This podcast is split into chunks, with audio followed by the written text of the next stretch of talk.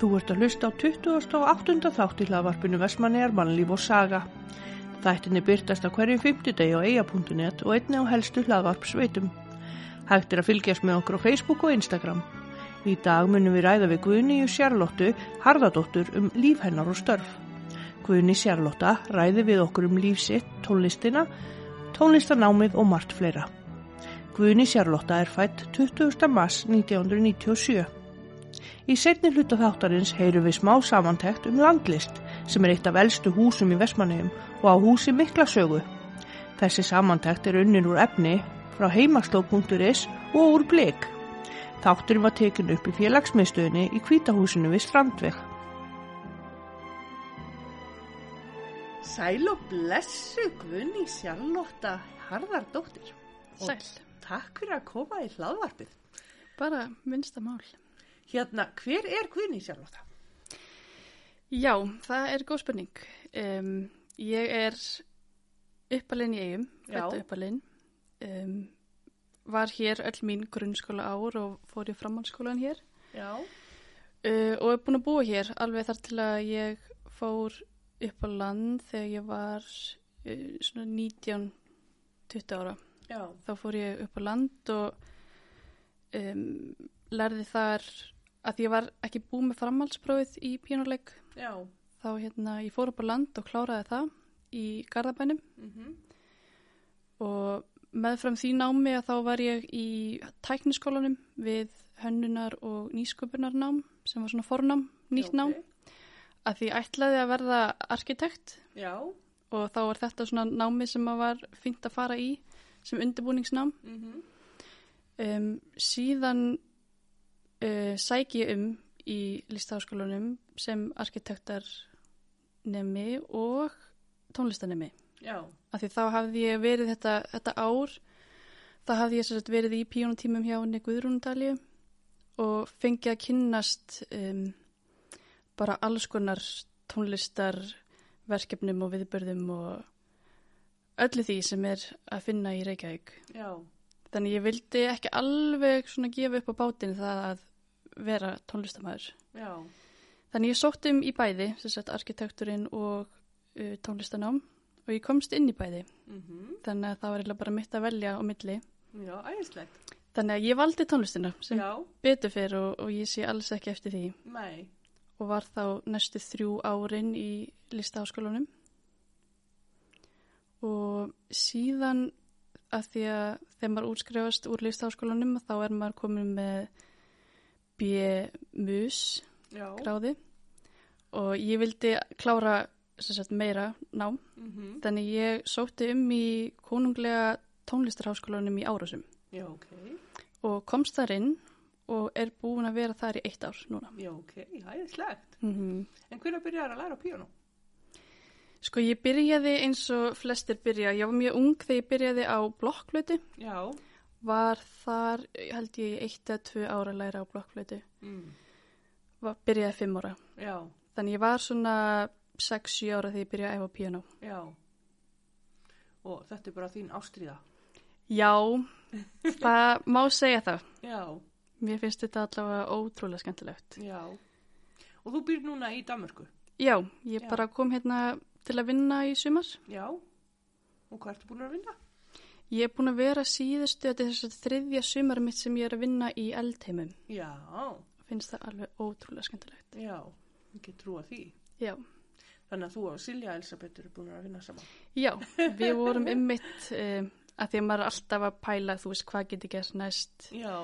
Og okkur langaði svo að halda tónleika saman. Já. En það var í rauninni bara svo pæling uh, byrjaði í þessari núverandi bylgju. Já.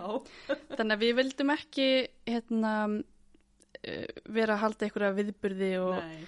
safna fólki saman þegar kannski Einhver smitt var í gangi. Já. Já, skil það vel. maður þarf, þarf að sína svolítið ábyrð Já. með það og eins ég hérna fekk styrk frá SAS Já. til að halda tónleika og ég var búin að plana að ég og Trillutrióið sem að er svona samspilshópur sem ég er í Já. ásamt uh, Veru Hjördísi söngkonu og Símoni Karli, hérna klærentileikara. Já. Við ætlum að vera með tónleika á hjúgrunar og dvalarheimilum Já. á Suðurlandi. Og eini tímaraminn sem við vorum sérst öll á sama stað í sama landinu og Já. höfðum tíma fyrir þetta var bara 12. til 14. ágúst. Já, akkurat þegar að Akkurat þegar, samkomi takmarkanum voru settar á. já þannig að já, við vildum bara alls ekki vera þau sem að myndi mæta með Nei, mögulegt smitt inn á þessa viðkvæmu stofnanir. algjörlega. Þannig að maður hefur svona svolítið þurft að fresta og breyta plunum, svolítið mikið já, þetta árið. frekar leiðilegt Já, Vera- með svona góður hugmyndir og, og alveg frábæra viðbyrði. já, en Já. það bara gerist vonandi setna. Algjörlega. En hvernig eru fjölskylduhæðinir? Þeir eru bara nokkuð einfaldi sko. Ég, Þetta flæka þetta. nei, nei, ég á e, fóreldra Já, og tvo bræður. já, E, Mattias sem er e, fjórum árum eldri en ég og, og Bói sem er aðeins yngri en ég. mhm, Um, við búum öll bara heima saman á hólagöldinni já, en þá. En svo þegar maður hérna, klára námið þá fer maður kannski svona skoði kringu sig og... skoði kringu sig Já. og fjárfesta í ykkur notalegri íbúð. einmitt. Serðu þið búa í Vespanum?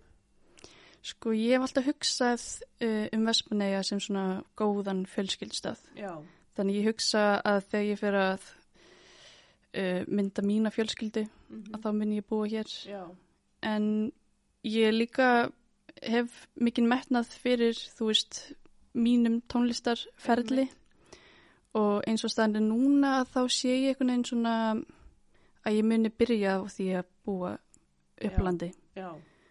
og svona, Ná meðan þú ert að koma þér svona framfæri og... já, Já, en annars hefur verið nóg að gera hér í eigum mm, varandi uh, kirkjuna. já, Hún hérna, Kitty fór í sitt sumafrí já, ok. Og þá var ég beðin um að taka, ég tók allavega þrjár guðþjónustur, þar sem ég spilaði á orgel, Já, sem er ekki að sama piano. nei, og Þannig að- það? Gekk bara vel, sko. Já. Ég, hérna, ég man að það var reyndar ekki núna, var örgulega eitt ára, tvö ár síðan sem að ég var beðin um að spila í útför á Já. orgelið. Já, Og þá þyrfti ég, ég mitt að ringja í Mattias, bróður minn, Já. til að spyrja hann bara hvernig kveiki maður á orgelinu. Ég var Já. alveg það græn, sko. já, hann er orgelikari. Já, hann er Já. organisti og við, hérna, við búum... organisti Organisti.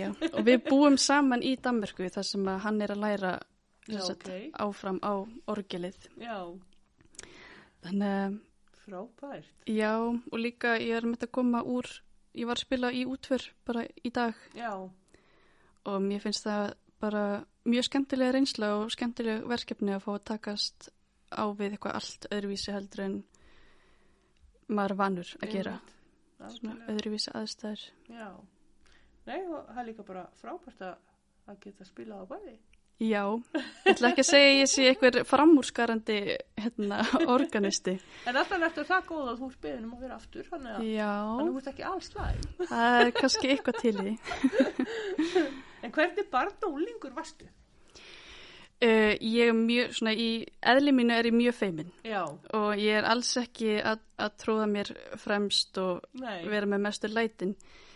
Um, ég var mjög góð námsumar, ég man það að ég átti mjög auðvelt með að læra og mér fannst mér skemmtilegt að læra já, sem að ég bara þakka rosa vel fyrir að því að það er ekkert öllum sem finnst skemmtilegt að læra. Nei og eiga ekkert auðvelt með það heldur. já, Þannig að já, mér fannst, um, mér fannst skemmtilegt í skólanum. Mhm, og um, já, og bara, já, já, bara þetta gekk, gekk allt rosa vel og ég, ég held að ég hafi verið þælur úlingur. já, Ég allavega man ekki eftir ykkur en einu ræðilegu sko, nei, ekkert óeðlilegu gelgju, gelgjustælum. nei, bara verið búið að stilt og knústúlka. Já, svona Já. yfirleitt. Það er líka bara indislegt. Já. En hvernig fannst þér að alast upp í eigum? Ekki það maður hefur svo sem ekkert viðmið en bara, veist, leiði vera vel sem krakka hérna og... Já, mér fannst Já. alveg indislegt að vera þarna og það var í mann eitt sumarið hérna, eftir ég var búin að lesa ykkur bók Já, að þá hugsa ég bara vá hvað ég er heppin já, að vera já, og, og ég man ég lappaði alltaf í vinnuna og hérna, var alltaf bara dást að þessari náttúru og hvað ég væri heppin að fá að búa hérna og fá Já. að þekkja þekkja samfélagið og allt það sko. einmitt. En þú segist vera svolítið feimin. Já, Hvernig er þá að vera á sviði og spila píano? það getur alveg verið hræðilegt, Já. ég get alveg sagt það Já, og ég man bara að það eru oft svona einhver moment í, í sem sagt ferlimanns sem að man sérstaklega eftir sem eru Mhm. bara hafa verið hræðileg í minningunni já, kannski ekki alveg jafn hræðileg í raunveruleikunum en ég man bara, ég var með ykkur tónleika uh, í safnarheimilinu Mm. og ég var að, ég var að spila Bach uh, fúku, ég man Já. það í Fís Moll langar með að segja og var búin að læra það utanaf Mm. og á einum stað að þá kemur ykkur aðili inn í rýmið, Já, inn í saling já, og ég er í sagt miðju því verki. Og ég man bara að ég trublaðist svo hrikalega. Og hérna og að því maður æfi sig alltaf að sagt, finna ykkur svona öryggistæði til að geta hoppað á. Já, og ég röglaðist og ok, hoppa á þennan öryggistæð klikka aftur og hoppa það bara aftur tilbaka. Og ég var, búin að, ég var bara föst í ykkur svona lúpu og ég komst ekki út æj, þannig að sem betur fyrir var ég með nóturnar óna píanónu já, þannig ég bara ákvað að stoppa um, taka nótunar og ykkur neginn komast svo hrikalega skjálfandi í, gegnum þetta. Æj, æj, og svo reynsla var bara virkilega erfið ykkur Já. neginn að þú veist, þá treysti ég sjálfur mér ekki til að sérstaklega spila utanaf og var það ykkur svona ákveðin þröskuldur sem að fylgdi mér bara ennþá dag í dag sko. Já, og alltaf þetta þessi, þessi ótti við hvað gerist ef ég gleymi. Já, hvað ef ég, þú veist, festist aftur í ykkurum, já, já, kemur svona kvíði, já, já, og en bara í rauninni eina sem maður getur gert er að koma eins oft fram og þú Einmitt. getur. Algjörlega, og þá verður þetta alltaf svona aðeins þægilegra í hvert Já. skipti. Einmitt, en ég hef líka lagt mikið upp á því að spila með öðrum. Mér, mér líður betur með það. Já, og finnst það líka bara skemmtilegra heldur en að vera eitthvað eina upp á sviði já, en já, það er, er alveg svona smá ströggl stundum. Já, bara þetta, þessi andlegi einmitt, þáttur já, það að finnast maður ekki vera nógu vel undirbúinn og, og svo líka bara margt í umhverfni sem að getur haft áhrif. Já, mitt, ég var hérna ég var svo heppin í listaháskólanum að kennarinn sem ég var með þar hann Peter Maté Mm. um, hann var mjög virkur í að, sækja um alls konar styrki fyrir okkur já, þannig að hann var búin að koma komin með á legg svona uh, samstarfsverkefni við aðra erlenda tónlistarháskóla Já, sem hann ok. kallaði Crossing Keyboards já, og sem fólst í því að við fórum alltaf á haustin til ykkurs lands mhm, og svo fengum við gesti frá þeim skóla í heimsón til okkar á móti. já, Þannig að fyrsta skiptið þá fór ég til Helsingi já, og spilaði þar í, í Music Italo já, ok, við tónleikahúsinu sem er bara eins og harpan. Já, og það var ótrúlega skemmtilegt og ég man bara að ég bara gæti ekki sko drukkið vatn þann dag, ég var svo stressu en svo fórum við árið setna fórum við til Svíþjór já, til Stokkólm og ég man svo vel að ég var að byrja að spila fyrsta áttataktana í verkinu sem ég byrjaði á. Já, og þá heyrist í salnum lítill krakki sem segir oi. Æj, æj, og ég bara, guð minn góði, hann er strax, hún misleikar þetta greinlega svona Já. og að þetta var svona staður í verkinu þar sem að var, kom svona smáþögn já, og þá heyrist bara oi í salnum. Og ég bara, hvað góður, ég þarf að halda áfram hvernig ég geta hægt, jú, Já. ég verð bara einhvern veginn að halda Já. áfram. En svo, hérna, er víst hérna, þetta í sænskri tungu oi þýði víst bara vá. Þannig að ég var bara, uff fannst þetta alveg bara sæðilegt, sko. Já, En sá miskilningu var leiðréttur. já, ég ætlaði einmitt að benda þér á það, ég búið því þau smá tíma að hafa sama einmitt alltaf við, Ói! sem er alveg svolítið, já, þegar var mjög pælir, skrítið. Ég hef aldrei hugsað þetta, nei, þannig að þú ert að segja mér eitthvað sem að var svona, já, Ég til dæmis kissa því þið er að pissa, þannig að, Já, það. þannig að það er, já, það er svolítið skondið. Mm. Já, hvað, hérna, hvað ertu lengi í náminu núna í Danmörku? Þetta eru tvei ár Já, og búið veitt? ég er búið með eitt. Já. Um, mér fannst uh, kannski ekki erfitt, en mér fannst mjög, ég fattaði það því ég fór út, hvað Já. ég er mikill Íslendingur. Já, Það var eitthvað nefn, maður var alltaf að bera saman við Ísland, þar sem Já. maður var úti. Og hérna, svo því ég fór að koma heim í vetrafrí og svona, þá fór maður að taka mjög skrýhna hluti með sér út. já, Bara því að maður saknaði, þú veist, kampel sveppasúpu. já, Það er eitthvað sem að, þú veist, er ekki til í dönskum súpermörkuðum. Eitthvað sem mann hafa aldrei dótt í huga að maður myndi sakna. nei mitt. En uh, já, þetta fyrsta námsár var mjög skrítið. Já, og svona aðdrandin að því var líka mjög erfir að því að þegar maður sækir um skóla erlendis að þá þarf maður yfirleitt eða eiginlega bara alltaf að fara í inntökupróf já, ok.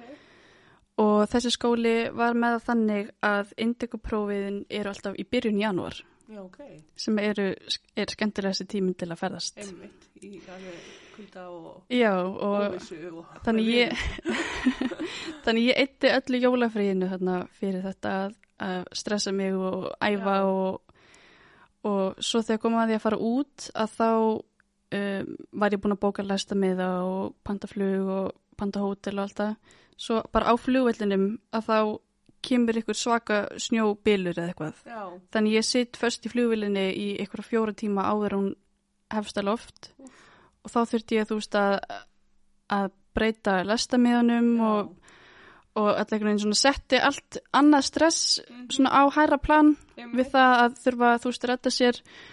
Og hérna já þetta var mjög strempin tími og svo ég man bara fyrir uh, indökuprófið að ég var síðust Já, og þurfti að býða allan daginn til að fá að spila því ég hef nú alveg geta bara vilja drífa þetta afsnæmi morgunin en ég man bara eftir indökuprófið mér fannst bara ég léttast um svona 50 kíló ég bara, þetta var einhvern veginn svona allir, allir þessar áhyggjur og allir Já. þessi kvíði sem var búin að vaka yfir manni, þú veist, allt jólafríð og einmitt. þetta ferðastress bara, vá, mér fannst ég bara Já. geta andað Já, fyrst bara svona spennufall. algjörlega og Já. ég bara gæti fara að borða aftur og það var alveg svakalegt Já, en skólinn sjálfur er alveg magnaður, hann er mjög flottur og mjög stór og, og þegar ég var að skoða uh, áðurinn sóttu um svona, og skoða maður kennarann og mhm, hvað er í búið og svona og þá sá ég eitt kennara sem að mér leist mjög vel á. Og ég fekk hann sem aðal kennara já, ok. og var mjög ánæg með það. Já, og hann heitir uh, Jakob Alskard Barr já, og er ungur og efnilegur pínuleikari. Já, og hann hefur svona svolítið verið að að tuska mann til og já, láta mann uh, gera enda lausar ykkurar æfingar og eitthvað sem er ekkert skemmtilegt að gera en skilar já. vonandi ykkur um árangri. Já, og ég finn það líka bara að það er svo fínt að fá bara að komast í algjörlega nýtt umhverfi. Já, og líka þú veist þótt að Ísland og Danmörk séu ekkert langt í burtu frá hvort öðru þá er alveg smá svona kannski ekki menningamunir en svona hvernig fólk bara gengur að hlutarum það Já. er einhvern veginn öðruvísi heldur en á Íslandi. Já. þannig að það er líka alveg fínt að fá smá svona Smjör þeim af því. já, algjörlega. Já, En annars einkindist þetta síðasta skólaár bara svolítið af því að vera að fara í COVID-test og, og taka, gera, gera það sjálf, við sjálfan sig og, og einhvern veginn einhverju svoleiðis rugli. Já, og engir tónleikar þannig séð? Nei mitt. Og ef það voru einhverju tónleikar þá mættu bara, máttu bara hérna, nemyndur skólans koma Já, og já, þetta var allt saman mjög skrítið. já, það ástand er alveg mjög skrítið. Já, og svo fekk ég líka kynast í að Danir eru ekki jafn virkir í tölupóstasamskiptum og Íslendingar. Nei, ég var alveg bara, ég lendi í smá visinu með um, áfangana hjá mér Já, og ég man bara eftir fyrsta tíman í fyrstu skólavekunni í ágúst að þá sagði ég við sagt, fagstjórminn bara getur ekki verið að þetta sé ykkur vittlisa í kerfinu? Og hún Já. segi bara jú þú átt ekki verið í þessum áfanga og þú þarf bara að velja annan. Já, og ég sendi henni bara, þú veist, tölubóst samdægus, bara hvað ég vildi fara í. Uh, og hún segist alltaf að skoða þetta. Mm. Síðan bara líða vikunar sko, Já, e ekki já. daganir, heldur vikunar og ég eitthvað svona fyrir að tjekka bara "Æ- ætli hún ekki að svara mér og hvernig er staðan með þetta, nú fyrir að Já. koma vetrafrí og, og ég sendi á hana og hún svara mér eitthvað, já, ég, bara, ég hef aldrei lent í öðru eins og ég veit bara ekkert hvað ég á að gera og ég bara, ok, getum við einhvern veginn reynda samt að leysa þetta þannig að eftir vetrafríð verði ég komin í Mhm. réttan áfanga svo ég missi nú ekki, þú veist, af Einmitt. áfanganum ok, og ekkert gerist eftir vetrafríð og ég einhvern veginn bara þú veist, var á fulli í ykkur öðru Mm. þannig að ég held að þegar voru sko tvær vikur eftir á skólanum og Já. þá bara mæti ég á sveðið og Já. segi bara hvað er að gerast Já, bara á ég ekkert að fá að fara í þennan áfanga sem ég á að vera í einmitt. og það enda bara á því að hérna, ég mætti ekkert í neitt áfanga Já, og en staðin skrifa ég einhverja rítgerð valdi sér þetta áfanga til að mæta í eftir áramót. Uh, og það var svona samtíma tónlistar áfangi. Mm. og reddingin var þannig að ég átti að skila rítgerð um þann áfanga. Já, svona til að bæta upp fyrir. Já, já, þetta var hefði geta leist svo auðveldlega já. en var svo flókið og svo mikli samskipta örðuleikar og allt þannig að ef þetta, þú veist, ég man bara að því ég var í listaháskólanum að þá var þessum málum bara reddað strax já, og leiðrétt og bara þú mætir í næstu viku í þennan tíma einmitt. Bara klukka þarna, eða klukka Já. þetta og þanga. já, Já, þannig að alls konar svona atriði eru fann ég alveg svona vel mun á já. En hvernig líka er í Danmarku? Bara svona yfir höfuð. bara mjög vel, Já. ég er mjög ánægð, með þessa borg Já. Árósar, Árós Mm Órhús Orhus. hún er alveg bara, hún er ekki ofstór og hún er ekki of lítil. Já, það er einhvern veginn, það búa held ég 400.000 manns. Já, og ég var mjög heppin með íbúð, já, hún er bara maður er fimm, fimm mínútur að hjóla í skólan uh, eina sem ég get sett út á er að hérna, maður lifði alltaf í þeirri vona eða þeirri trú að, að Danmörk væri flatt land. Já, já, það er ekki svo lis það er, það er, það er ein stór brekka upp í skólan Já, og hérna, já, það er alls konar brekkur sko hér og þar. Þótt að maður held að þetta er bara flatt og ekkert mála hjóla eins og ég bara, já, þegar ég fór minni fyrsta hjólatúri, ég held ég myndi andast, ég, mér fannst þetta svo erfitt. Já, og þá er mitt bara brekkur upp og niður, upp og niður. Já. Þannig að, já, Þannig ég að var þú ert í rosa góðu líkamlegu formi núna eftir að vera búin að hjóla hjóla. sko ég vildi óska að ég geti sagt það en ég hjólaði ekkert það rosalóft ég Nei. frika þá bara labbaði Já. af því að ég nefndi ekki að koma bara kófsveitt í skólan sko Máksandi. já, bara taka henni hálftíma til að ná andanum aftur Einmitt. Og er bróðin í sama skóla eða? já, hann er Já. sérst bara á orgelbrautinni Já. og ég er á hérna kennarabrautinni Mm. þannig að það er rosa gott Já, af því að það er alveg svona frekar stórt skrif að flytja til útlanda einmitt. og það alveg bjarga því að hafa eitthvað sem að svona Stuðning á baki sig. algjörlega, já En það er ykkur í vestmanningar sem búa hann, eða ekki? mm, mm, mm, vestmanna eigingar ég er ekki all Er ekki hérna Hjalti og Linda, eru þau ekki? jú, jú, jú, jú, þau eru mitt. Já, þau, ég held að Hjalti er með stofu bara rétt hjá það sem ég bý já, ok. Og eru þið ykkur sambandi svona við vestmanningarna eða Íslandingana á svæðinu?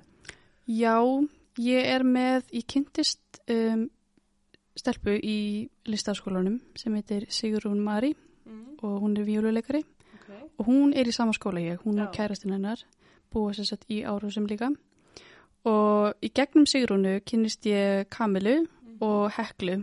Já, og þær hérna, voru vinkonur fyrir allar frá Akureyri. Já, þannig að ég kynnist þeim og við höfum hérna, stopnað prjónaklúb og hérna, sem var mjög hugulegt að vera í hérna, COVID, á COVID-tímum einmitt, og mér finnst það alveg ótrúlega skemmtilegt að fá að, fá að kynnast þeim.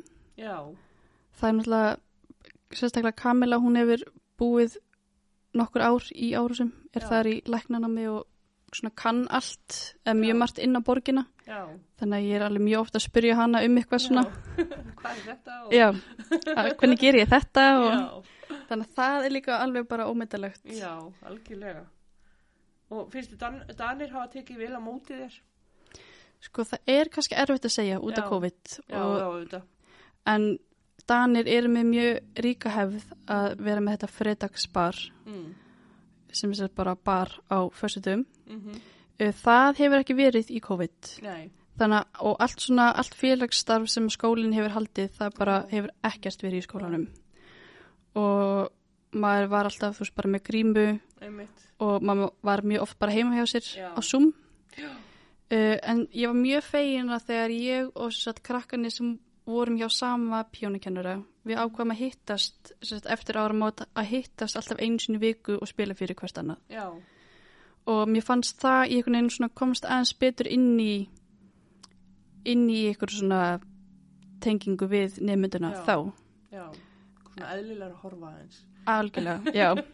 En svo eru Danir mjög, hérna, finnst, þeim finnst þú gott að tala bara dönsku Já, við fólk sem kann dönsku. já, Ég er ekki alveg á þeim stað ennþá, en það vonandi breytist. já. Já, þetta er mi- misjafnt líka hvernig þeir tala, þannig að, Já, ég hef einmitt heyrt að fólk frá Jólandi tali svolítið erfiða já, dönsku. já, En ég einhvern veginn af því að ég er búin að vera í þessu umhverfi núna í, í hérna tæft ár einmitt, og þegar ég heyri fólk frá þú veist kaupunöfn þá er ég bara, ég veit ekki hvað þú ert að tala. já, Þannig að ég er svona, já, já, ég heyri alveg smáminn, já, en ég veginn hef ekki treyst mér í að tala hana. nei, Ekki nema bara í, þú veist, súpermarkaðnum eða eitthvað svo leist. já, getur svona bjargaðir. Algjörlega. Já, þeir get, hérna, eru ofta, ofta að gera grína sjálfur sér að þeir skilja ekki hvern annan, þetta er allt í góðu. Ég trúi því. En hérna, svo við förum svona aftur af spurningunum mínum. Já, Hérna, finnst þér lífið hérna hafa breyst mikið síðan þú varst ung? Ekki þá, þú ert mjög ung. en svona á þínum svona, já, hvað segir, svona úlingsárum? úlingsárum. Fyrir nokkrum árum síðan? Já, ég veit það ekki. Nei. Ég einhvern veginn, ég nenni ofta ekkert að, að eh, setja mig inn í, Nei. of mikið inn í hluti sem eru í gangi hérna. Ég bara er svolítið að einbytta mér að, að mínu. Já, hvað með því markmið og Já, fókusir á það. algjörlega. Já. Og einhvern veginn bara ekkert vera pæla of mikið eða segja of mikið um eitthvað sem að Já, skiptir mig ekki máli. algjörlega. Uh, kannski eina sem að ég hérna, uh, teki eftir að, að hérna, þegar ég fekk bílpróf Já, að þá var rosalega mikil rúnd menning. Uh, og það eru hvað 6-7 ár síðan ég fekk bílprófið. Já, og ég fór einhvern veginn á rúndinum daginn og mér fannst ég bara sjá engan. Já, þannig ég var eitthvað svona spá, já, kannski er fólk bara hægt að rúnda eða kannski er það bara ekki að, að hérna, er að gera eitthvað annað. Kannski er svo rúnd menning kannski er hún dvalandi eða, eða dvínandi já, já, já, ég er endur alveg samanlegar þar. Það er bara eins og að segja eftir átt á kvöldina þá, já þá bara er fólk, fólk bara heima hjá sér eða, þá er maður bara, halló, er í það? já En hvenær byrjar að vinna og hvar? vinna bara Og bara hvað sem? Eh, Fyrsta vinna mín var náttúrulega í bæjavinnunni þegar ég var í áttundabekk. Já, Ég var þar í nokkra vikur þar til að Rúnar frændi minn spurði mig hvort ég vildi vinna á Hótel Þórsamar já, sem að heitir nú núna Hótel Vestmanner mm og hann sem sagt bauð mér svona reyndýrastarf já, kallast það víst að vera hérna þrýfa hótelherbyggja og svona. Um, það var fyrsta vinnan, fyrsta sumarið. Já, og sumarið eftir þá var búið að selja Hótel Þórsamar og komið í staðin Hótel Vestmannegar og Gistihúsi Hamar. Mm og ég sótti um vinnu hjá henni Svöfu á, á Hamri. Já, og hún er ennþá að minnast á það þegar ég mætti bara eitthvað 16 ára gummul trítlaði upp stegun og spurði eitthvað hvort henni vantaði ekki starfskraft. Já, og já, þar var ég næstu sumru, sumur eftir það. Já, mann ekki hvort það voru þrjú eða tvö eða þrjú sumur. Mm. Síðan fór ég eins og allir vestmenningar þurfa, fór ég á vaktir Mm í Ísuleginu á já. makrílvöktum. Var þar 17, 18, 19 ára Já. á makrílvertíð. Það var uh, áhugaverði tími. Já. Margt hægt að hugsa og, og já, á þeim tíma. Það sem að það var ekkert annað að gera en að bara hlusta útarpi og, og hugsa. Já. Um, síðan að því að eftir fristihúsa starfið að þá fann ég það að ég var án svolítið léleg í höndunum. Já. Var alltaf með þessa sínaskeiðbólgu og Já. fór svona kannski eins að pæla í því að ef ég ætlaði nú að vera píanisti að þá þarfti, þyrfti ég nú eins að passa á mér hendunar. Algjörlega. Og ég fekk, þegar ég var ymitt á þessum fristihúsa tíma, þá fekk ég svona kúlu á henduna. Sem heitir ganglíón eða ganglæjón. Mm. sem er svona upplift kúla á handabækinu Já. og sem er svona fullt, uh, fyllt af gelvögva Já. ok. sem mjög, getur verið mjög sásökafullt Einmitt. og það tók alveg nokkur ár að losa sig við hana Já. ok. og ég fór oft til læknis og let tappa af því Já. svo kom það bara aftur og, og seinast að hérna þá lokaði ég óvart skottun á bílnum á hendina á mér Ái. þannig að kúlan sprakk Já. Ok. en hún hefur ekki komið eftir Já. Ok. Já. Já. Að var alltaf eitthvað jákvæð sem kom út í. Já, og ég hef alveg bara sem betur fyrir verið ágætt í hendinni Já. eftir það. Ég vissulega passa mig alveg rosalega að því að þetta er mjög kvalafullt og, og, og pyrrandi ástand. Algjörlega. Sérstaklega þegar maður er kannski að æfa sig í nokkra klukkutíma Já. Þá finnur maður alveg ekstra mikið fyrir ykkur þreyti ef það er ykkur kvillar í Einmitt. hendinni. Og hérna, nú veit ég ekkert um píanó. Mm -hmm. En þarf maður ekki að gera ykkur æfingar með hundunum og eitthvað til þess að styrkja og... Jú, ég fekk sko til að styrkja hendina eftir þetta kúludæmi Já. að þá fekk ég svona, svona bolta til að krista Já. og ég keipti mig líka lóð Mm. 2,5 kíló til að sagt, gera bara úlisreyingar Já. Einmitt. Og bara til að styrkja þessa Já. vöðva Í kring. í kring uh, en svo um, ef maður er algjörlega til fyrirmyndar að þá ætti maður að gera alls konar svona tegjur og um, til að bara passa, þú veist, axlir, hendur, bak ég hef ekkert verið alltaf dugleg, dugleg við það Já. en það fær maður alveg að finna fyrir því. Af því að þegar ég hef, hérna, hef prófað að spila á svona flígil, sko, ég kann ekkert á píanó, mm en bara svona átt að gera eitthvað. -hmm. Og takkandir eru mjög þungir, Já, það geta verið það þú veist, af því á, á bara svona, að hljóm á hljómborunum er þetta bara svona du-du-du-du-du, Mhm. en svo er þetta bara, maður það bara átök Já, maður verður líka alveg stundum þreyttur í puttunum bara, Já. þú veist, það fer líka eftir, eftir hljóðfærum sumir, sumir flíklar eru mjög þungir Já, og meðan aðri mjög lettir einmitt. og já, já, ég hef alveg hérna, eins og á þessu orgel tímabili hérna í Já. sumar að þá náttúrulega allt öðruvísi um, hvernig maður náttúrulega spilar, að því að maður Já. þarf að halda nótunum inni Einmitt. þú veist, það er engin svona petalt sem að þú ítir niður og þá ómaður bara endalega, heldur þar maður að halda ef niðri Já, og því ég var búin að vera að æfa mig í, þú veist, einhverja daga, þá fann ég bara, ég var hann svolítið aum hérna í vöðvanum fyrir neðan litlafingurinn og ég hugsa bara, hvað, hérna, hvað er að gerast? Og svo fann ég það því ég fór næsta dag að æfa, þá Já. var það þessi, já, þetta halda og- já, þessi, þessi, þessi hérna, vöðva. Já, þá var ég bara, ok, þetta er, þetta er bara líkamsrækt Já. fyrir ákveðna vöðva. Algjörlega.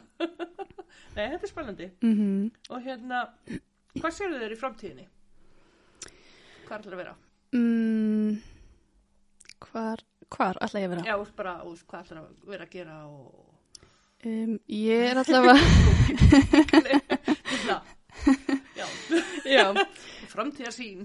akkurat, um, ég að vera svona stefna því að, að kenna. Já. finnst það ótrúlega skemmtilegt. Mm og, og gefandi starf um, sé allavega fyrir mér ykkur staðar að kenna Já, og síðan væri draumurinn að vera í ykkur svona samspilshóp mm með fólki sem að er svona á sama stað og ég já, og halda tónleika og, mm og gera alls konar Já, eitthvað svo leis. æðislegt. En hérna, finnst þér eitthvað ábútavett í eigum? Mm, bara, sko ég hef alltaf hugsað þannig Mhm. að, hérna, já, kannski erfitt að útskýra, en ef að þið líður eins og sérst búin að koma þægilega fyrir, Mm -hmm. að þá er eitthvað sem þú varst ekki að gera. Já, Þannig að, þegar maður er í svona list, liststarfi eða listgrein, mm að þá þarf alltaf, þá þarf maður alltaf að vera að hugsa eitthvað hvaða verkefni get ég verið að gera næst já, eða, alltaf að fara aðeins út fyrir kassan. já, alltaf að skapa eitthvað og gera eitthvað nýtt. Mm Þannig að ég er bara svona hrætt um, veist, ef fólk festist í einhver ákveðni rútínu, -hmm. bara, þú veist, alltaf að gera þetta sama, að þá, þú veist, verður engin fjölbreytni og, og verður einhver ákveðin stöðnun í, í starfi og, og líka bara, þú veist, nemyndum. Já, Þannig að ég bara hvet alla til að, ef að því líður þægilega, að, að fara þá að hugsa eitthvað já, út fyrir kassan og, og fara að gera eitthvað, einmitt. eitthvað öðruvísi. Já, algjörlega.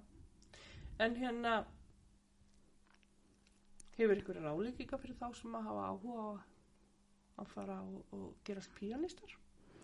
Já, það er náttúrulega bara að skrá sig í tónlistaskólan. Það er skref eitt. Já, Og næsta skref er bara að hugsa að maður þarf að vera mjög þólumóður. já, Að þetta gerist ekki á einu kvöldi. nei, Það er, ég er sko, já, ég er 24 ára og ég er ennþá að læra. já, Um, já, síðan bara hafa nóg mikið áhuga. mm Því að ef að nefndin hefur ekki áhuga að þá er þetta svolítið bara búið dæmi. Að, hérna, og síðan þarf kennarinn líka náttúrulega að vera svolítið að tipla á tánum og halda manni við efnið. já, kvitandi og, Hvetjandi Já. og, og hérna og svona að kynna manni alltaf fyrir ykkur nýju og nýju. mm Og ég var einmitt mjög heppin með mína kennara þeir voru alltaf svona að, að, að stefna að ykkur eins og ég var að stefna að því að taka grunnpróf á píanóið eða taka miðpróf.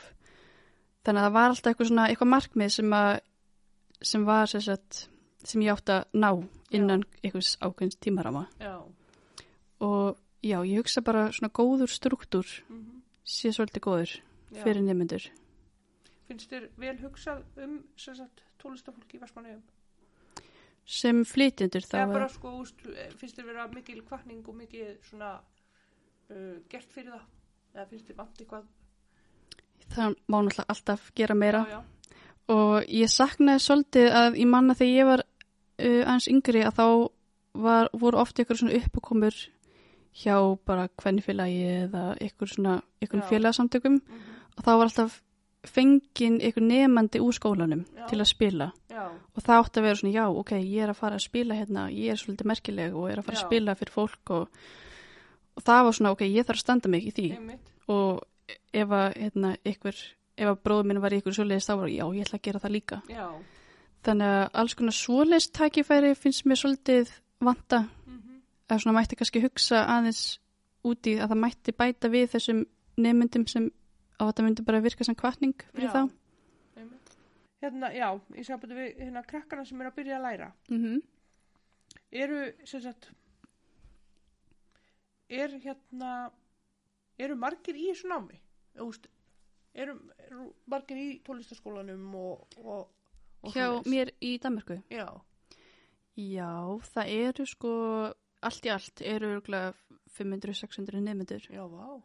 En það eru líka svolítið margar námsbrautir, það er uh, ritmísk og klassísk braut. Já, um, en í kennarnáminu það eru óbúslega margir í bachelornáminu. Já, ekki eins margir í mastersnáminu. En það er líka bara eðlilegt já, að sé færri nefndu þar. Já. Og er hérna, þú og bróðin eru náttúrulega alveg bara tólistasnillingar. já, já, það má segja það. Hérna, þið fyrir mikinn aga, er það ekki?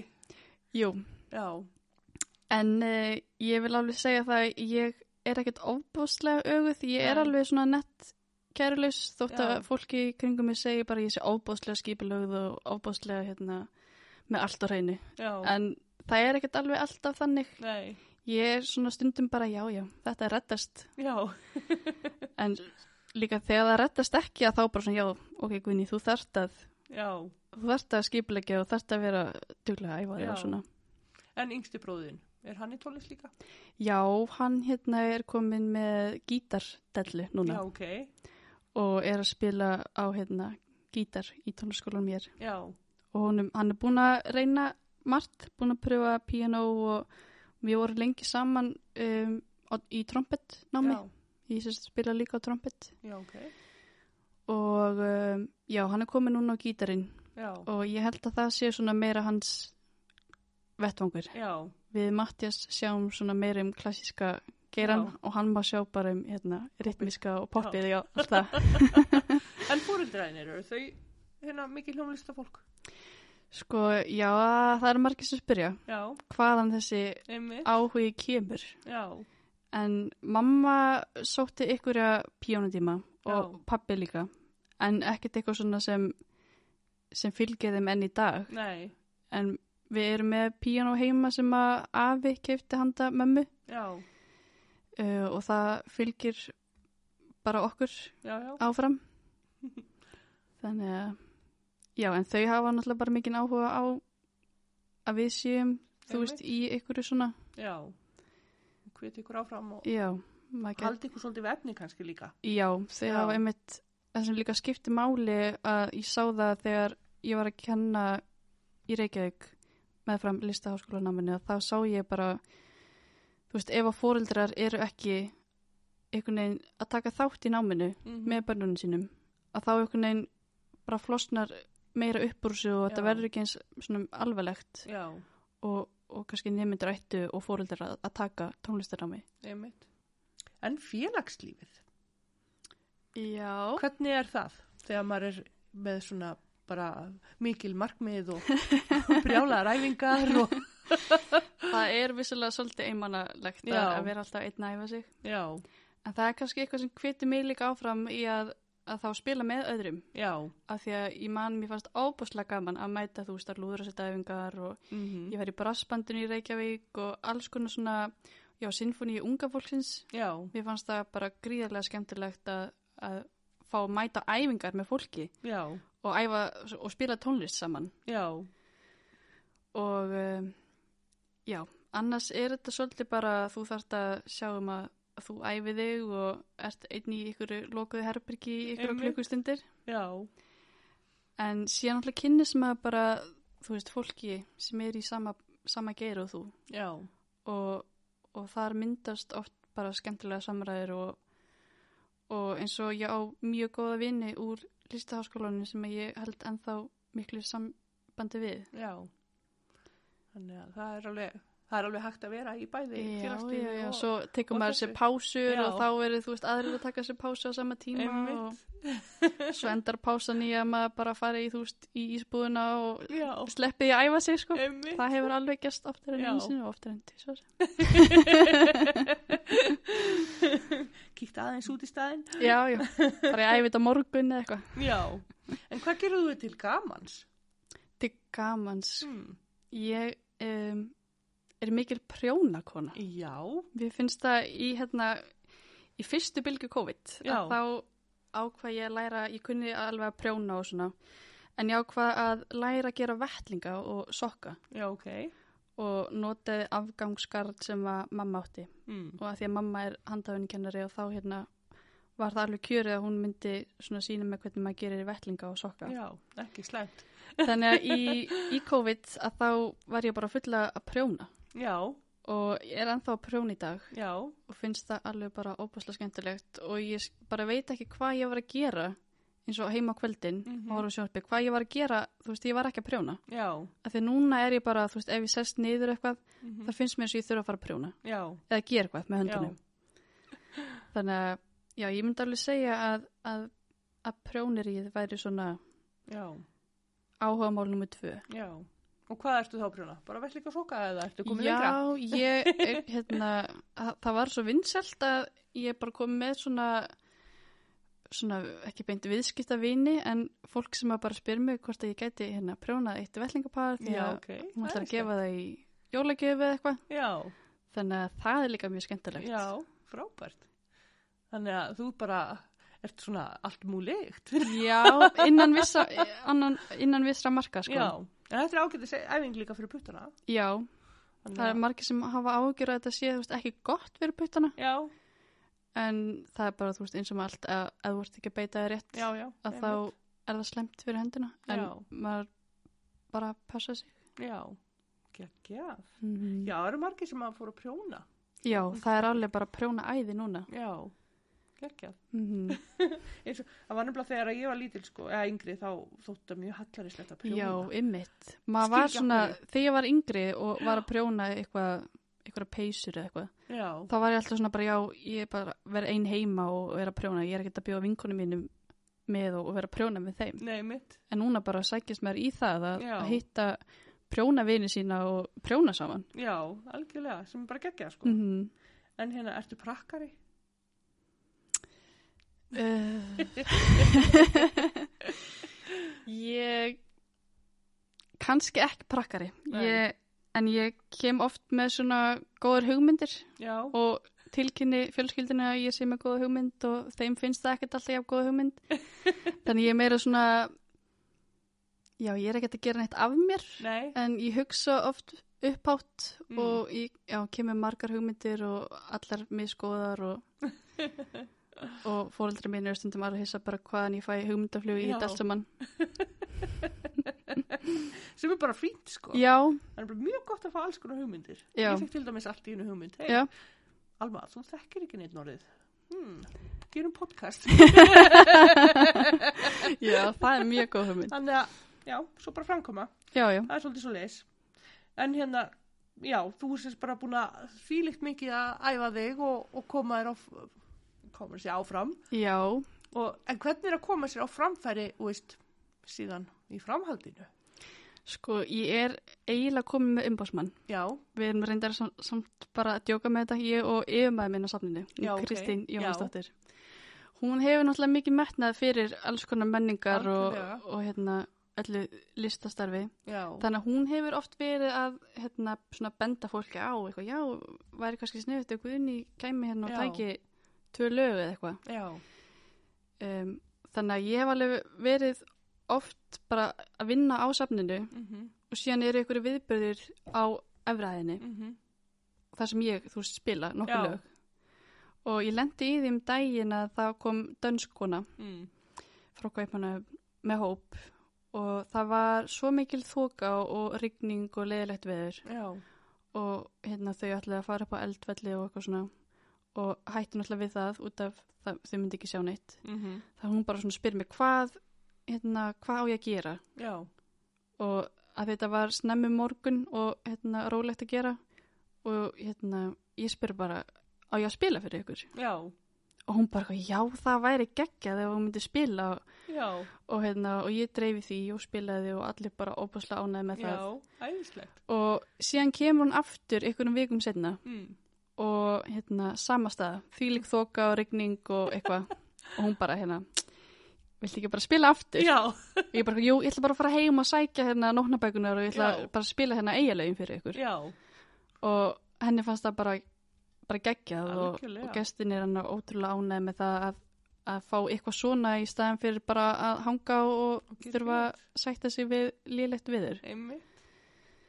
Æðislegt. Svo þannig að, ekki verða þegar að Silja er komin líka og hún með öll hérna oddgeislögin. já, Og þá getið þið bara slegið saman í smá, smá eiga stemningu þarna. já það væri alltaf gaman sko Já, og Maður Kristín er mjög duglega að íta undir, undir Já, náttúrulega unga, unga og upprennandi tónlistastjörnur. já, sem er náttúrulega bara alveg frábært af því að það þarf ykkur að gera Algjörlega. en síðan eins og því ég var í Reykjavík að þetta er ekkert það rosalega stór hérna, tónlistarheimur á Mhm. Íslandi og klassíski heimurinn ekkert risastór. Nei. þannig að maður þekkir alveg fólk sem þekkir fólk sem að er til í að sem að spyr maður reglulega hei, getur þú tekið þátt í þessu verkefni? Eða, og síðan bara já. Það, einhvern veginn öll mín verkefni hafa búrist þannig að ykkur sem ég þekki er að benda á mig og spyr mig um að spila í brúkupi eða Já, eitthvað einmitt. Þannig að, en hérna, hlustaru bara á klassísk tónlisti eða ertu að hlusta á rapp og, Sko, og rapp. sko sem klassísku píjónuleikari þá, eh, kannski já, fólk heldur að, að því að maður er í þessum klassíska geira að Mhm. þá er það eina sem maður hlustar á. Já, já. En það er eiginlega eina sem ég hlusta ekki á. Já, það. Já, eiginlega. Já. Ég er mjög, hérna, ég reyndi að hlusta rosalega mikið á gamla tónlist. Já. Ég er ekki, ég til dæmis skil ekki rapsinnuna Nei. og er ekki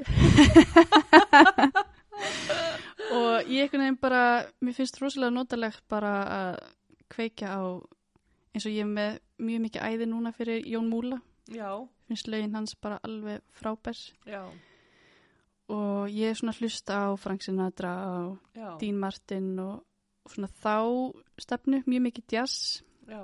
það er mikið spilaður jazz heima hjá Emma og Ava Mm. þannig ég kynnist þeim listamennum þar. Og síðan heima hjá mömmu og þeim þar er, þú veist, Djúran Djúran og, og Bubbi. Já, þannig að mér finnst Queen og, og allt, allar þessar stjörnur Mm. það er eitthvað sem ég hlusta á. Já, en Britney Spears og Beyoncé er kannski ekki alveg minn tepalli nei. já, ég held nefnilega margir séu með, eitthvað svona imprentaða hérna að þeir sem eru í klassísk tónlist hlusti bara á eitthvað klassískt. já, ég, ég hugsa að fólk verður geggjað ef að Mm. það Ætla bara Er- að lifa og hræðast í Já. þessum heimi. að því maður fær alveg, fær alveg sinn skamt, þú veist, af því að vera að æfa sig og, Já, og allt það og bæta svo onna að hlusta á það já, í hérna frítímanum, ég hugsa að það er þið bara of mikið, sko. já. Ertu að semja tónlist? Nei, ekki eins og er. Nei. Svo kallun hefur ekki komið yfir mig en þá, Ok. hún kannski kemur Já, já. en ég hef ekki einhvern veginn sest niður og, og ákveða semja lag. Nei. Er það eitthvað sem þú hefur áhuga á? Ekki eins og er, sko. Nei. Mér finnst, uh, mér finnst svo mikið í bóði er svo mikið af efni sem að ég hef ekki, sem að enginn nær að komast yfir, örgulega. Það, en mjög stærlega frábært að hérna að flytja eins og þegar ég var í listaháskólanum að þá var svona uppskjörháttíð tónsmiða nefnda, nefnda sem Mm. eða heitir Omkvörnin og þá er maður bara að spila ný, fram, uh, ný saminverk Já. Og mér fannst það alveg skemmtilegt að taka þátt í því Mm. en það að alltaf bylla eitthvað sjálf er eitthvað svona Já. ekki alveg, Það ekki alveg komið. ekki komið ennþá sko. Nei. Aldrei að vita nema að komi eitthvað svona já, já, ykkur köllun í eitthvað köllun og þú fyrir bara að semja þjóðtíðalögin og já, já, eins og öll og það kannski Hvað veit það maður. mm. En já, þú er hérna ég er svolítið forvitin með bara svona agan og þetta þú Já. bara, bara vaknar bara klukka sjö á mótnana og alls ekki, nei, það er margir sem halda það er mitt að því að hérna, ég er nefnilega ekki með mikið naga nei, Nei, ég forvitin eiginlega ekki heldur. Já, ég hérna já, bara dass af kæruleysi og, og dass af hérna æfingum. Já. Og hérna dass af stressi kannski, þá Já. einhvern veginn kemur þetta þá bara kemur þetta bara Já, ég mitt, ég er, ég er alveg hvorki A nýja B mannskja. Nei, Ég, ég vil eitt, eða jú, ég fer kannski að sofa, þú veist, um tólf, já, en það er ekki sens að ég vakni sjömanuna. nei Það er bara í fyrsta leið klukka nýju. Já, Þannig að, eh, já, þótt að fólk haldi kannski að ég sé ykkur morgun hanni og já, alveg bara Bara alveg einmitt, bara bara, með stundaskrána. þá er ég alls ekki þannig, sko. Nei. En hvað ertu að æfa þig? Ertu bara að æfa þig heima eða ertu í tónlistaskóla eða ertu með eitthvað Sko, aðstöðu? ég er með, ég get eftir mig í tónlistaskólanum sem Já. er mjög gott en það er bara misjæft uh, ég reyni yfirleitt líka á sumrin að taka mig smá pásu Mm og það eru líka margi vini mínir úr tónlistarbransanum sem að finna það bara á sumrin Já, þá er gott að kvíla já, bara til að fá ekki alveg upp í kók einmitt, endur næra sig aðeins. já, Mm. og en annars bara eins og í sumar þegar ég hef verið að taka svona skorpuæfingar Mm svona að æfa bara eitthvað sem ég nöðslega þarf að æfa og, og á einhverjum stuttum tíma Já, að þá ger ég það bara heima. Já, Um, annars hef ég alltaf verið mjög heppin með aðstöð eins og því ég var í Reykjavík að þá hérna, fekk ég að vera í tónskólanum í Garðabæ Já, sem er náttúrulega bara frábær aðstæð til að æfa sig.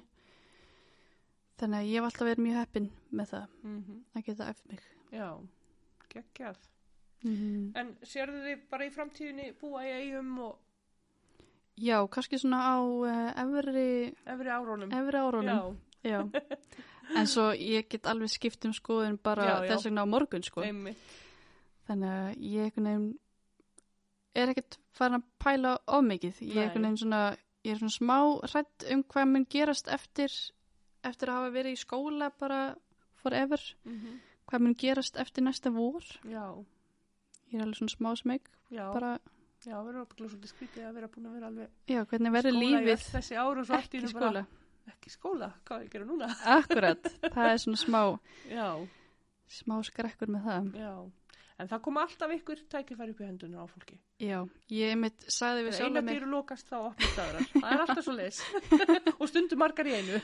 algjörlega, ég mitt sagði við sjálf mig bara í sumar ætla ég taka frí frá tónlistinni. Ég ætla Já. bara ekkert að gera, eina sem ég ætla að gera er þetta með styrkin Já, og að, með trillitríunum. já, En síðan þá er ég búin að spila, þú veist, þrjár messur og í Mhm. tveim jarðaförum og allavega haldi eina tónleika og svo allir þessir stuttu viðburðir í eldheimum já. fyrir túrista og, og annað fólk. Mm Þannig að, já, ég hef stundu bara, þegar ég leggst á kottan, bara af hverju er ég að koma mér út í þetta allt? Hvernig kem ég mér í þetta.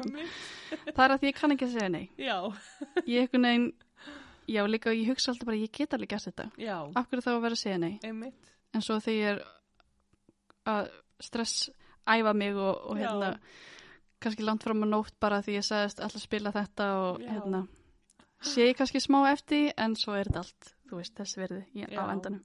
Algjörlega. En það, já, um að gera að segja bara já og Já, svo bara sér maður á eftir því í hljóði já, og já. bölvar kannski smá Já. en svo bara, En koma aðeins út fyrir kassan. Það akkurat, það er alltaf það sem ég er að gera, sko, Já. algjörlega. Og hvað hérna, já, geggjað, ég er bara, ég er bara svo heitluð. Minnstu bara æði. Og hvað hérna finnst þér, ertu úst, komur að segja, ég ætla ekki að vera dónaleg, alls Mm. ekki. En þegar að, úst, eins og til dæmis með tónlistina, er eitthvað annað sem að fólk er að læra líka til þess að hafa eitthvað til þess að falla á ef að tónlistin gengur ekki upp? Einmitt. Það Ég er, ætla að vona að hafi ekki hljóma dónalega. nei, það er nefnilega eins og bara það sem gerðist við COVID, Já, bara þegar tónlistamenninir einmitt. bara sáu fram í svarta tíma og Já, bara hvernig eiga þeir að framfleyta sér. Já. Um, þegar ég var svona komin á þann stig að vera búin með tónlistaskólan hérna í, í Vestmannheim og, og það sem ég var að gera í Garðabæ, bara að hugsa ég, er það að fara að virka að vera bara píjónuleikar á Íslandi? Já, Og eftir að þú veist, verið í þessu kerfi bara frá því ég var Mhm. 5-6 ára, að þá vissi ég alveg að það væri nú hægt að kenna tónlist Einmitt. og lifa bara ágætlu lífi af því. já, Þannig að þess vegna ákvað ég að læra tónlist að Að ég vildi ekki uh, læra einleikaran einmitt. sem er þá hín leiðin Já, og þurfa svo að kenna og vita þá bara ekkert hvað ég var að gera. já, Þannig að ég hugsaði bara að því að pía, þessi, uh, hljóðfæra kennarar, það er alveg sett sumi kröfur á þá sem píanista mhm, eins og bara, þú veist, einleikarana. já, Þannig að mér fannst einhvern veginn sem ég hafi samanað tvent. já, Þannig að kennsluna og það að vera góður píanuleikari með því að fara í þetta nám. já, En ég hugsa bara, þú veist, þú getur náttúrulega haft þetta, þetta kennslustarf sem svona þitt öryggis, já, net, já, já, en svo fer það bara eftir skilu hversu dugleg þú ert að sækja, sækja sér sett í önnur verkefni. Já, algjörlega, til að ná að framfleyta þér eða hvernig sem það er. Nei, maður er búin að hugsa einmitt núna bara eins og með þetta blessaða COVID Mm -hmm. að hérna tónlistumann og, og bara listafólk hefur ekki haft Nei, ábygglega mikið að gera.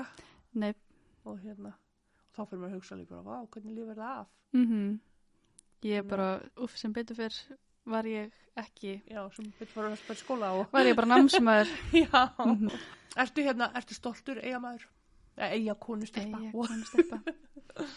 Já, ég hérna, kannski eins og ég sagði áðan, ég nenni ekkert alltaf að vera að setja mig inn í Nei, nei. einhverja svona hluti. En ég man því ég flutti bara landa, þá var ég örgulega óþarfandi, ég var alltaf að tala um Vestmanni og alltaf Já. að tala um hvað væri fallegt og geggja Já. að vera hérna.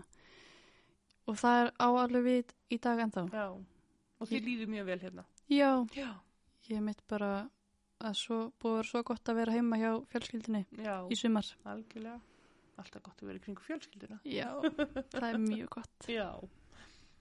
Og hérna, þú færi rosa stuðning frá fjölskyldunni. Algjörlega. Bara, ég veit ekki hver ég væri. Nei, Ef að þau hefði ekki nefnt að mæta hver einustu tónleika og einmitt. hjálpa með allan heimalærdum og bara allt sko. einmitt. Er eitthvað svona sérstætt sem þú vilt segja okkur svona í lokin? Mm. Nei.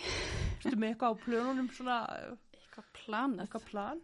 Til dæmis með trilli, já, hafa það, Já. það kom spurningin og trillist, hérna, hvað hvað Trillu þetta? tríó. tríóið, Já. Vá, erfitt, Þetta er mjög erfið erræfing. trillu tríóið. Já. Hérna, hvernig tónlist eru það að spila?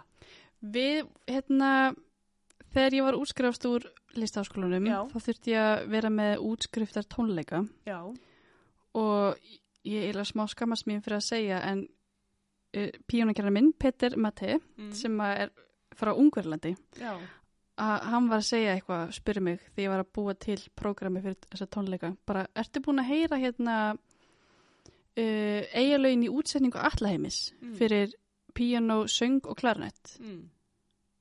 Og ég bara, nei, ég hafði ekki heyrt það. já, Og mér fannst alveg hræðilegt að ég hafði einhvern veginn ekki vita af því. já, En ég bara, já, þetta skal ég, ég er bara mjög til að kíkja á það. mm.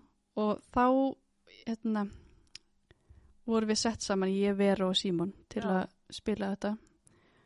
Og okkur fannst þetta bara svo ótrúlega skemmtilegt. já, Og hérna, við spilum það á þessum útskriftatónleikum. Og síðan bauð umbóðsmaður minn, hún Kristín, okkur að, spila þetta prógram, eða bara vera með tónleika um góðslokaháttíðin í fyrra. já, Og sem var ótrúlega skemmtilegt og, og gaman. mm. Þannig að, já, já. nú er ég búin að gleyma hvað spurningin var. Það var bara hvernig tónlist eru að spila? Já, hvernig tónlist? -hmm.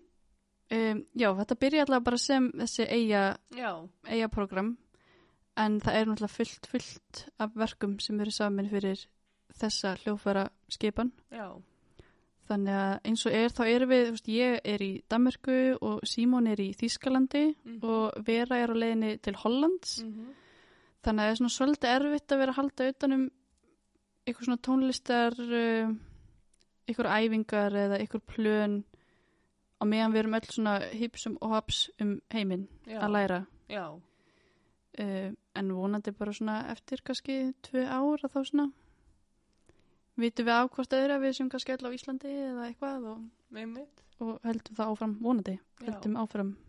geggjað. Mm. En hvernig er hérna, er hérna aðsóknin hjá fólki á tónleika? Uh, hér í eigum. Já, Mm, og bara svona almennt. sko í Reykjavík var bara þú veist það mætti alls konar fólk. Já, og það var alltaf bara ég fann það bara fólk var svo þakklátt fyrir að bara mega koma á tónleika og það væri eitthvað um að vera og, já, og, en hér í eigum að þá finnst mér alveg að mæting mætti vera betri. Já, ég veit ekki hvort það sé út af viðburun eða eitthvað slíkt sé ekki nú vel auglýstur mm eða bara að, að tónleikanir veki ekki áhuga fólks en já, þú mætti alveg vera já. meiri Finnst þér aldurspilið í, í áheyrendum vera breytt eða finnst þér að vera úst, eitthvað svona sérstakur aldur sem að kemur?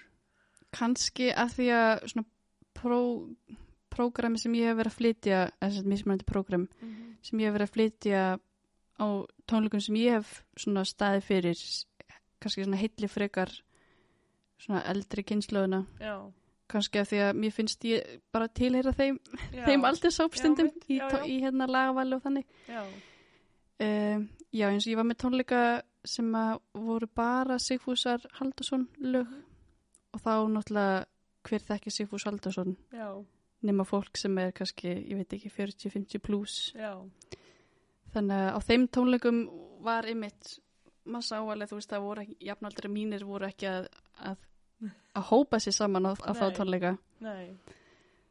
Finnst þið vanta kannski svona vakningu í til dæmis bara grunnskólanum að hlusta á klassíska tónlist? Já, það má náttúrulega alltaf gera, gera eitthvað Já. með það. Og ég man líka, ég náttúrulega bara, það er svolítið langt sín ég væri í grunnskólanum. Mm Uh, ég man að þegar ég var að þá var oft að koma eitthvað svona, hvað kallaðist þetta? Söngur og sal eða eitthvað. mm. Þá var alltaf, ég man að Siggi Flós að koma einu sinni Já, og spilaði eitthvað svakalegt á saxofónin og fór út um allan sal og það var já, ok. allt geggjað og, og ég, þú, þú veist, ég man þetta ennþá Já, sem því að það hafi, þú veist, það hefur vakið ykkur aðtegli algjörlega. og það mætti kannski gera eitthvað svoleiðis Já, uh, fá ykkur utanakomandi, vera reglulega með hljóðfæra kynningar, mm þú veist, segja hvað, hvað er í bóði, hvaða hljóðfæri eru til, hvað er hægt að læra á hér, -hmm. þannig að það er hægt að gera alls konar eitthvað svoleiðis innan grunnskólans Já. allavega. já. Nei, eins og maður veit að í Reykjavík að það var fyrir að hérna symfónían með hana. Já, Þetta Maximus eða ekki? já, hún kom líka svoleiðis. hingað eða ekki. Já, það. Ég held það. Það ég er mm, náttúrulega ekki með neinn börn þannig að þannig ég fylgist ekki með þessu. Já, þannig að já, það er hægt að gera hana blímislegt. já, Það er spurning hvort að tónlistaskólinn kannski. já, það er, ég hugsa oft Ég er alltaf svona, með fullt af hugmyndum. Nei, já, bara að hafa þótt samband, ég hef sko. ekkert vita hlutunum. Nei, maður þarf hel- heldur ekkert alltaf að vita allt um allt. Það er bara nóga, þú veist, að vera með eitthvað smá, eitthvað smá neista Já. og bara koma honum, þú veist, í mhm, eitthvað elsneiti. Já. Að hérna, já, ég, ég er mjög hrifin eitthvað svona að skapa eitthvað þemu. mhm, Eins og ég hugsa, þú veist, það gæti verið gaman að vera með tango þema eða íslensk þjóðlög mm, eða eitthvað svona sem að tónlistamenn hér eða vonalandi eða, eða bara hvaðan sem er sem að gæti þú veist og verið bara með þetta þema og komið þú veist í grunnskólan kynnt það þema Já. og þá vonandi kviknar ykkur áhugi á tónlist Já. eitthvað sem er kannski ekki hérna, spilað í útarpinu alla daga Einmitt. En hérna, er ekki rétt munam hjá mér að þú ert bæjarlíska með Vestmanneja? Jú. Er Það ekki? Jú. síðast ég vissi Já. Og hvernig líðið með það? Bara ágætlega Já. ég, hérna, mér fannst það mjög skríti að þegar ég, hérna, það var sagt eitthvað ég veri yngsti bælistamærin Já. ég bara, ha, getur það verið Já. en já, það er vist þannig Já. mér fannst það mjög skríti og líka því ég sagði eins og hérna, vinkonu mínum úti hún bara, nú ertu bæjalistamæri er það ekki bara eitthvað fyrir svona eldra fólk Já. Eitthvað heiðusvelun. já, eitthvað heiðisvelun ég bara, neini þetta er bara fyrir alla Já. greinilega. Og hvað hérna, hvaða kröfur eru sett á þau, settar á þig sem bæjarlistamæður? Sko, ég veit ekki hvort ég hafi bara verið eitthvað kærlaus eða ekki tekið teki eftir, en í rauninni bara að koma með eitthvað menningarlegt input Mm. í samfélagið. Kekja? Og uh, ég hef allavega gert síðustu þrjú ár, það hef ég alltaf verið með tónleika einu svona ári. Mm Og núna síðast voru, var ég og Marja Sól sem fekk nú grímuverlun fyrir að vera söngvari. Já. Uh, við vorum með tónleika um eitt umgóðslögin Já. og köllum þá blandi póka Mm. þar sem að við vorum bæði með bara blandi póka af alls konar lögum Mm -hmm. og síðan vorum við í rauninni með blandi póka þar sem við hefum sett uh, alla efniskrana, Já. skrifað uh, hvert lag niður á miða Mm og reyfið niður og, og sett í þennan nami póka Já. og svo letum við áhörfundur draga Já, ok. þannig að þetta var, þetta var mjög skemmtilegt Þannig að það var ekkit svona alveg bara prógram bara Nei. lag 1, 2, 3, 4 Alls ekki. bara svona hitt og það. Já, við En vissum gaman. ekkert hvernig prógrami Já. yrði við bara vissum hvað lög yrði Já. og svo bara hérna lappa Marja með blandi pókan og Já. milli manna og hérna Og að draga. Já. Það er svolítið skemmtilegt. Já, þetta er svona eitthvað sem kemur þegar maður hugsa hans út fyrir kassan. Algjörlega og líka blanda svolítið svona áhörundunum við. Já, í þessi og- að reyna að brjóta þennan vegg sem er á milli Já. flytjanda og áhorfenda. Algjörlega, Mér fannst það svolítið góð pæling. já, geggjað. En bara takk kærlega fyrir að koma í spjalli er bara takk fyrir mig. og hérna gangi ég bara ótrúlega vel í framtíðinni. Takk fyrir. Aldrei að vita nema ég pikki í því aftur ykkur tíman Já, og aðtöfu hvernig staðan er hjá þér. algjörlega. Hvort að framtíðaspáin sé öll að rætast. Ég mitt, eitthvað hefur breyst. Já, bara takk kærlega fyrir að koma. Takk fyrir mig. Nú fáum við að heyra stutta samantækt um landlist og líf Solvegar Pálsdóttur sem byggði og bjó í hluta af húsinu á samt eigimanni sínum Mattiasi Markusinni Trésmið. Þessi samantækt er unnin úr heimildum úr greinum á heimasló.is og blik. Þetta sögubrót er í bóði bókasapsrasmanega. Hægt er að afla sér upplýsinga á heimasló.is og í blik. Ég ætla að byrja söguna um landlist á því að segja ykkur frá Sólvegu Pálsdóttur ljósmóður. Sólveig Pálsdóttir fættist 8. oktober 1821 á búastöðum.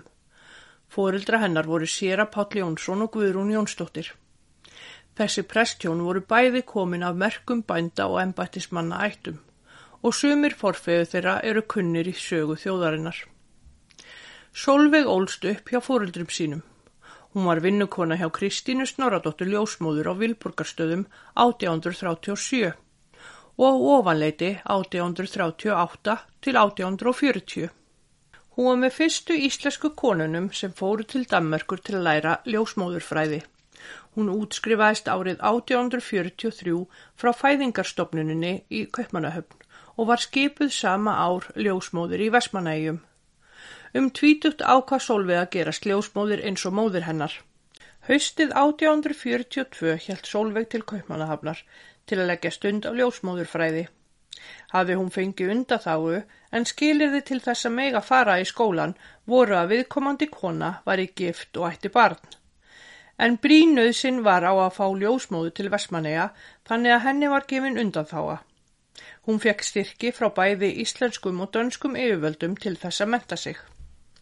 Árið 1843 líkur Sólveig náminu og kemur heim til að taka við ljósmóðustarfinu, aðeins 22 ára aldri.